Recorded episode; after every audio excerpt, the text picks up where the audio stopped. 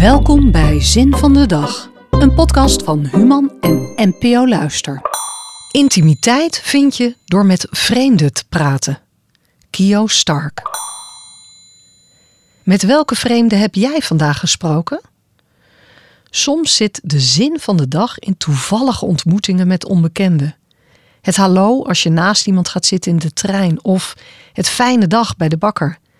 Naast elkaar wachten bij het stoplicht of bij de bus. Een knikje bij het passeren, een onverwachte aanraking waar je sorry voor zegt. Je kent elkaar niet, maar je kruist elkaars weg. Straatintimiteit, zo noemde de Amerikaanse schrijfster Kio Stark dat.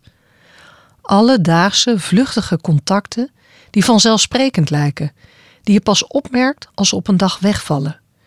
Je vaste koffieplek die gaat sluiten, die ene cachère die er ineens niet meer is.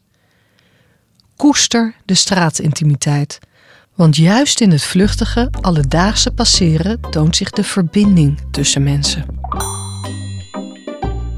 Wil je ook de levenswijsheid van morgen?